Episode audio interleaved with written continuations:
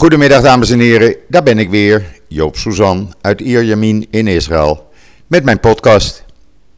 Ja, veel mensen vragen waar ligt dan Ierjamin? Nou, Ierjamin, ik zal het u even uitleggen, ligt net ten zuiden van Natanja. Het behoort tot, tot de gemeente Natanja. Het ligt dicht uh, aan de snelweg uh, Tel Aviv-Haifa, of Haifa-Tel Aviv, zo u wilt.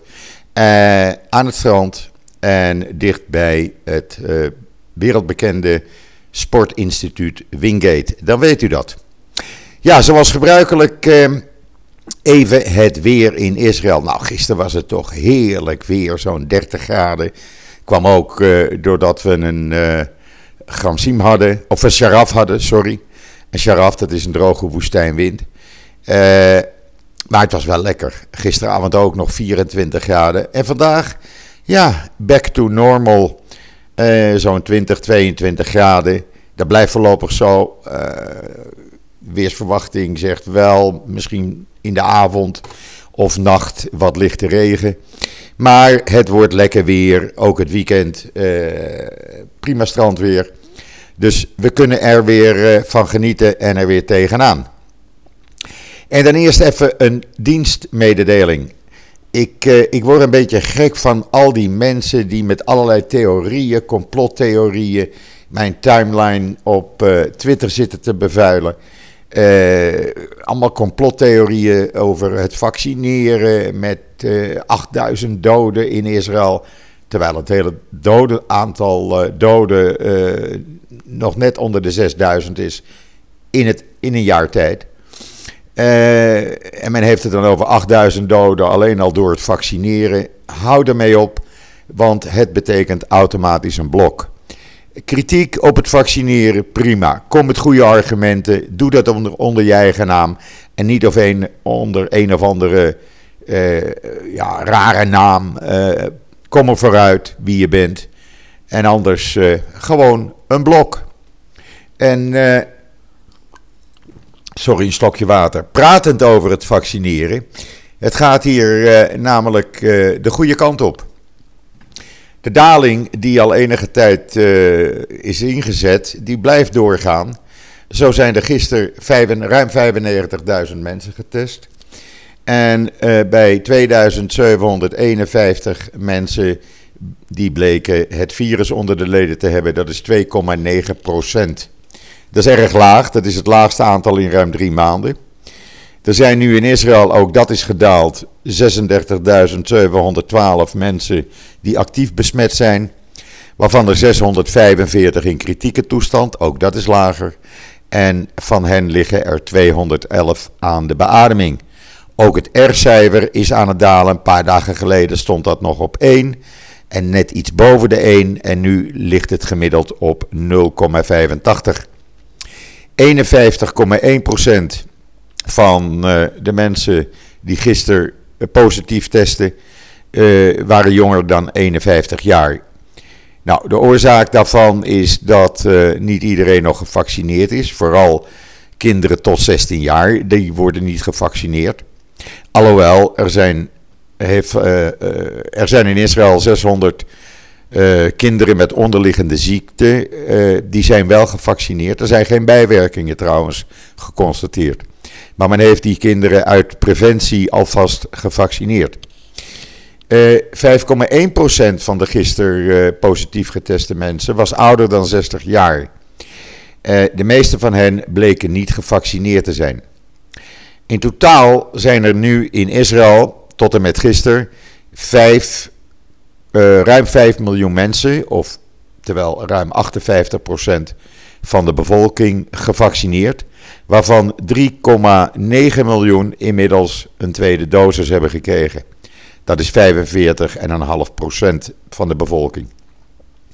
Men zegt op het moment dat er uh, uh, 5,3 miljoen, 5,4 miljoen mensen twee keer zijn gevaccineerd, dat zou dus in begin april zijn, dan bereikt Israël kudde-immuniteit. Dat zou natuurlijk heel, uh, heel erg goed zijn. En dan kan er ook meer verruimd worden. Inmiddels, uh, ja, we zijn hier gewoon weer back to normal. Zo voelt het gewoon. Je kan winkelen wanneer je wilt. Je kan op het terrasje zitten wanneer je wilt. Je kan in een restaurant eten wanneer je wilt. Ehm, ja, tuurlijk. Er wordt onderscheid gemaakt. Wil je in een restaurant eten, dan kan je binnen zitten als je kan aantonen het groene paspoort te hebben. En buiten mag iedereen op het terras. Uh, ook die kritiek op dat groene paspoort. Ja, ik begrijp niet waarom er in Nederland zoveel kritiek op is. Want wij hebben er hier helemaal geen moeite mee. Uh, en het wordt internationaal ingevoerd. Men is daar internationaal mee bezig, ook om te reizen. Want hoe kan je anders aantonen dat je gevaccineerd bent? Ook in Nederland, ik begrijp dat de Europese Unie ermee bezig is om een EU-groen eh, e paspoort uh, daarmee te komen. Dus ja, heb je kritiek op het groene paspoort in Israël? Kijk dan eerst eens even naar Nederland.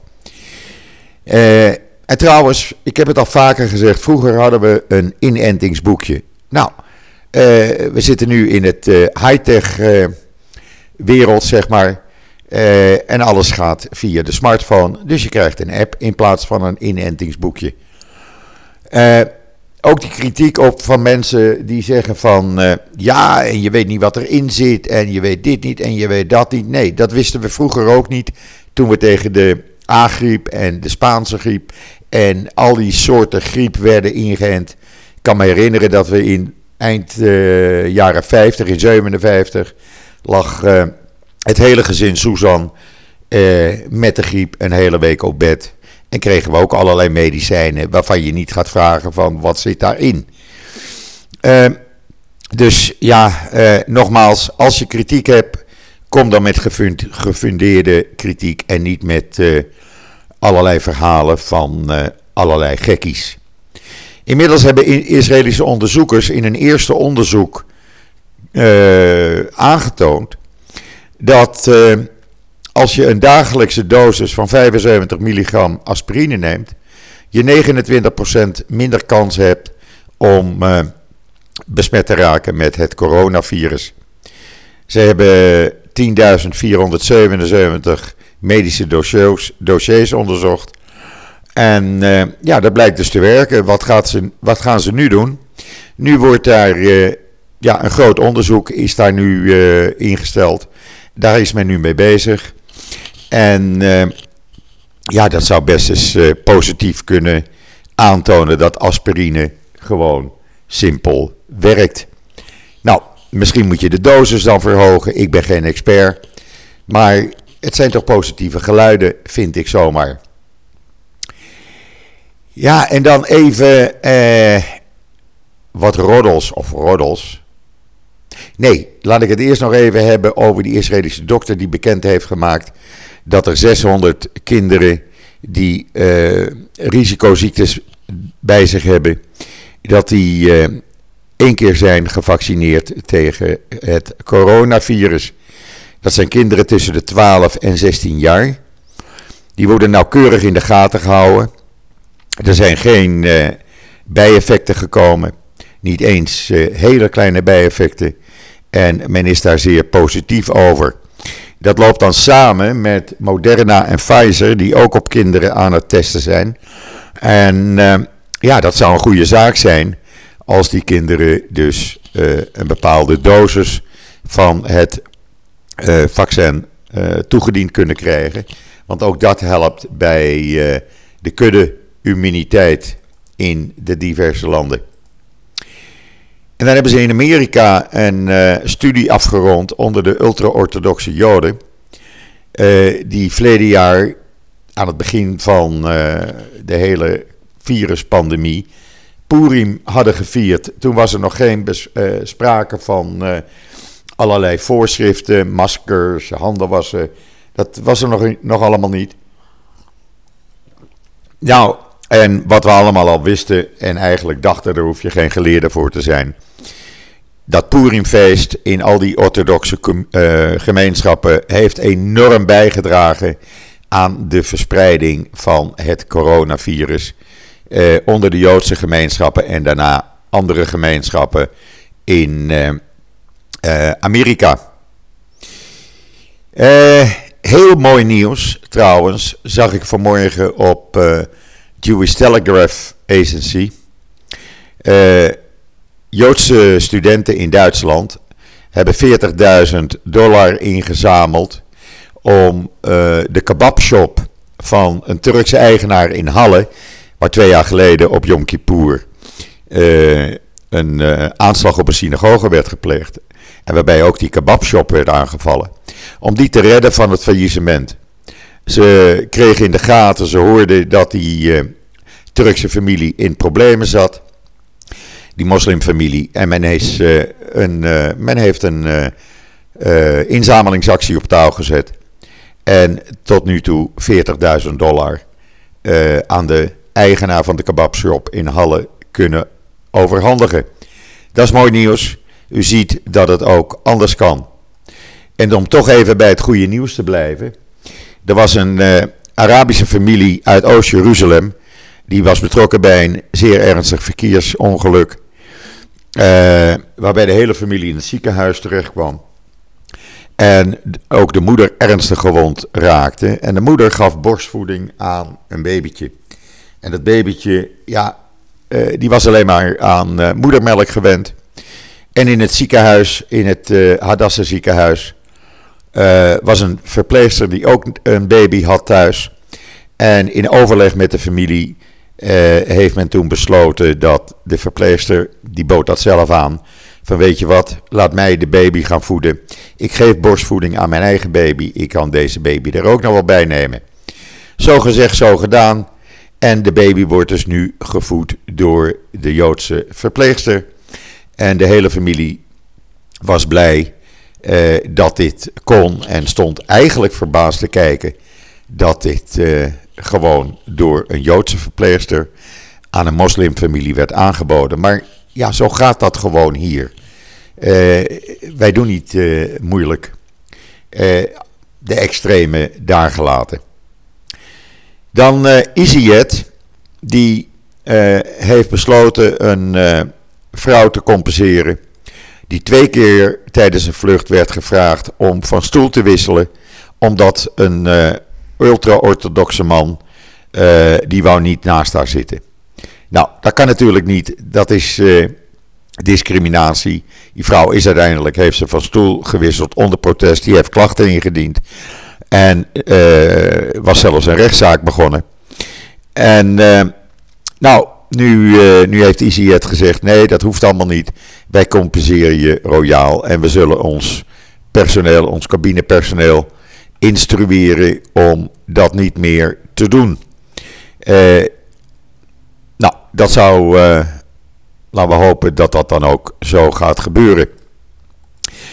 Dan uh, afgestudeerden van de Israëlische IDF-eenheid 8200, dat is die high-tech eenheid binnen de IDF. Die helpen nu Arabische start-ups om vooruit te komen. Dat gaat via een organisatie, u kunt het lezen op Joods.nl.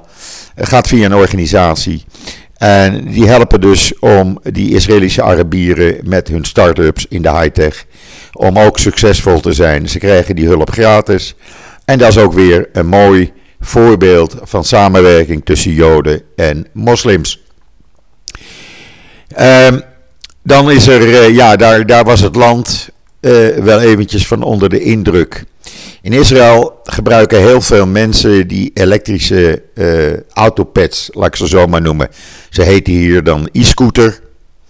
En er gebeuren heel veel ongelukken mee. En afgelopen zondag is daar een vrouw van 45 bij omgekomen. En dat bleek uh, een van de bekendste zeebiologen van Israël te zijn. Die ook een start-up had opgericht.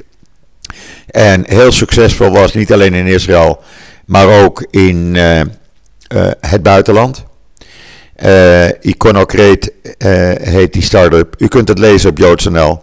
En die raakte met, haar, met haar elektrische autopad, e-scooter, onder een zware vrachtwagen. Er zijn beelden van, van het moment dat het, net voor het moment dat het gebeurde. Ja, en ze was op slag dood. Moeder van drie kleine kinderen. Het was heel tragisch. Het was uitgebreid op televisie. Uh, ja, dat hoop je toch niet mee te maken eigenlijk. En dan even, ja, uh, af en toe doe ik dat wel eens, een roddelrubriek. of een roddelpubliek. Het is eigenlijk zo, uh, wat eigenlijk Israël, heel Israël wist over de vrouw van premier Netanyahu, Sarah, dat ze een contract had afgesloten met haar man, is nu naar buiten gekomen op televisie door de getuigenis van een van de mensen uh, die verhoord is in de corruptiezaken tegen Netanyahu, uh, van Netanyahu. Uh, daar blijkt uit dat er een contract tussen Netanyahu en zijn vrouw is, waarbij hij eigenlijk niets kan doen zonder dat zij haar toestemming geeft. Ik heb het op een timeline gezet, u kunt het lezen in Times of Israel. Uh, zij uh, kan haar veto uitspreken, bijvoorbeeld over de benoemingen van de leiders van uh, de leider van de Mossad. Of de opperbevelhebber uh, en, en onderopperbevelhebbers van de IDF. en allerlei andere benoemingen. Ook schijnt er in het contract te staan dat als Netanyahu op reis gaat en hij overnacht in het buitenland, dat zij verplicht uh, meegenomen moet worden. Nou, die verhalen gingen al jarenlang, maar nu blijkt dat een van de uh, uh, hogere directeuren, voormalige directeuren van Israel Aerospace Industries, is een van de grootste defensiebedrijven in Israël. Die heeft dit aangetoond en die zegt: Ja, ik heb het zelf gelezen. Het is een contract van 15 pagina's. En daar staat dat gewoon in. De video waarin hij dat zegt staat online in dat artikel. Uh, ja, iedereen wist dat eigenlijk al. En uh, ja, uh, men heeft die, die man die dat gezegd heeft nu twee keer inmiddels de afgelopen dagen een leugentest afgenomen. En uit die leugentest kwam naar voren dat hij de waarheid spreekt. En dan kan het kantoor van Netanyahu het wel ontkennen. Maar waar rook is, is vuur, zeg ik dan maar. Het is wel zo dat net, uh, Sarah Netanyahu, die had last van haar blinde darm gisteravond. Die ligt nu in het ziekenhuis. En het zou zomaar kunnen dat Netanyahu zijn min of meer opgedrongen, aan de Emiraten opgedrongen reis naar uh, Dubai afzegt. Hij zou vanavond gaan voor een paar uur. de Emiraten wilden hem niet eigenlijk nu ontvangen. Die wilden dat na de verkiezingen doen. Want die zeggen wij willen geen. Wij willen niet meespelen in jouw verkiezings-PR. toen heeft hij uiteindelijk de Mossad-chef een paar keer daar naartoe gestuurd om ze te, over te overtuigen en over de streep te trekken. En dat schijnt dan dinsdag, afgelopen dinsdag rondgekomen te zijn. En hij zou dus vanavond vertrekken. Maar ja, nu ligt Sarah in het ziekenhuis. Dus mogelijk dat dat hele verhaal, uh, die hele reis, misschien toch niet doorgaat. Hij twijfelt nog. Ik denk dat zij eerst toestemming moet geven. Ik weet niet hoe dat verder werkt. Maar uh, ja, uh, we zullen het zien. Ik hou u daarvan op de hoogte via JoodsNL of op Twitter of Facebook. Want ja, daar zit ik ook inmiddels. En dan weten we of hij wel gaat of niet gaat. Die reis is al drie, vier keer in de afgelopen maanden afgezegd. Het is net die mop van, kent u dat verhaal van de premier die op reis ging? Nou, hij ging dus niet. En dat is dus al drie keer voorgekomen en het zou best kunnen dat het nu weer voor gaat komen. We zullen het meemaken, we zullen het zien. Uh, ja, nog even terugkomend op het normale leven in Israël. Uh, ja, het went snel, moet ik u zeggen. Het gewoon kunnen doen op het moment dat je het wel, dat je het wil doen. Ja, uh, we hebben een jaar lang niet kunnen winkelen, spontaan kunnen winkelen. We hebben een jaar lang niet lekker op het terrasje kunnen zitten. We hebben een jaar lang uh, allerlei beperkingen gehad. Ja, natuurlijk, we dragen nog steeds een mondkapje hier op straat. En we dragen een mondkapje als we naar binnen gaan in winkels of het winkelcentrum. Maar het feit dat je gewoon kan doen wat je wil op het moment dat je het kan doen. Ja, ik moet u zeggen, het is toch wel een prettig gevoel. En dat mondkapje, ach, het maakt mij helemaal niks uit. Ik heb er helemaal geen erg meer in. Ik vergeet hem soms in de auto ook af te doen. Valt mij op de laatste tijd. En dan denk ik, waarom heb ik eigenlijk een mondkapje in de auto aan? Dat hoeft helemaal niet en dan doe ik hem maar af. Maar het went snel. Afgelopen zaterdag was ik even, het was heerlijk weer. Was ik even op het strand een aantal uren. Nou, heerlijk gewoon. Daar, eh, ja, daar zijn er maar weinigen dan die een mondkapje dragen. Omdat er eh, wat wind staat. Je ziet toch niet bij, bij en op elkaar. Maar het is gewoon lekker. Het is gewoon weer je vrijheid terug hebben. En dat is toch heel wat waard. En als je daardoor, als je die vrijheid terug kan krijgen door het vaccineren, prima. Ik vertrouw de Israëlische experts. Er wordt hier enorm veel onderzoek gedaan. Er wordt hier openlijk elke dag op televisie, in kranten, in nieuwsprogramma's uitgebreid uitgelegd voor- en tegens van vaccineren.